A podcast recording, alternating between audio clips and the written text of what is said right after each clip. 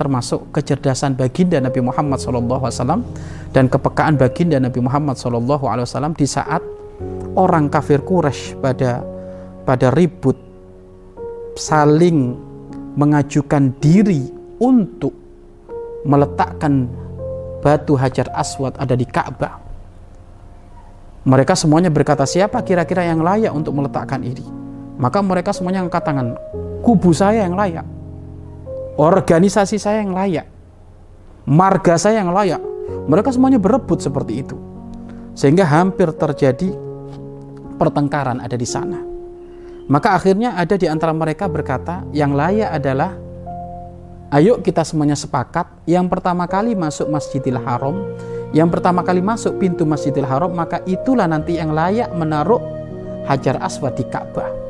Ternyata Masya Allah, Orang yang pertama kali masuk ke pintu Masjidil Haram ternyata saat itu adalah baginda agung Nabi Muhammad SAW.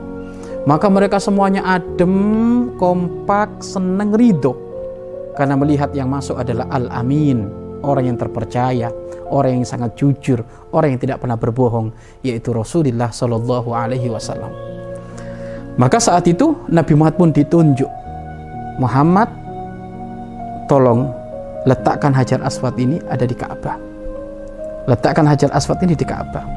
Maka saat itu Rasulullah SAW dengan kecerdasannya dan kepekaannya, karena Rasulullah melihat sekelilingnya ini, ini orang tadi pada cekcok kabeh, karena merasa dirinya layak, layak, layak, maka saat itu Rasulullah melepas ridaknya, meletas ridaknya atau surbannya itu dilepas gitu surbannya, maka batu hajar aswad ditaruh di atas surban, maka saat itu Rasulullah berkata, hei organisasi organisasi sana ambil ujung surban itu.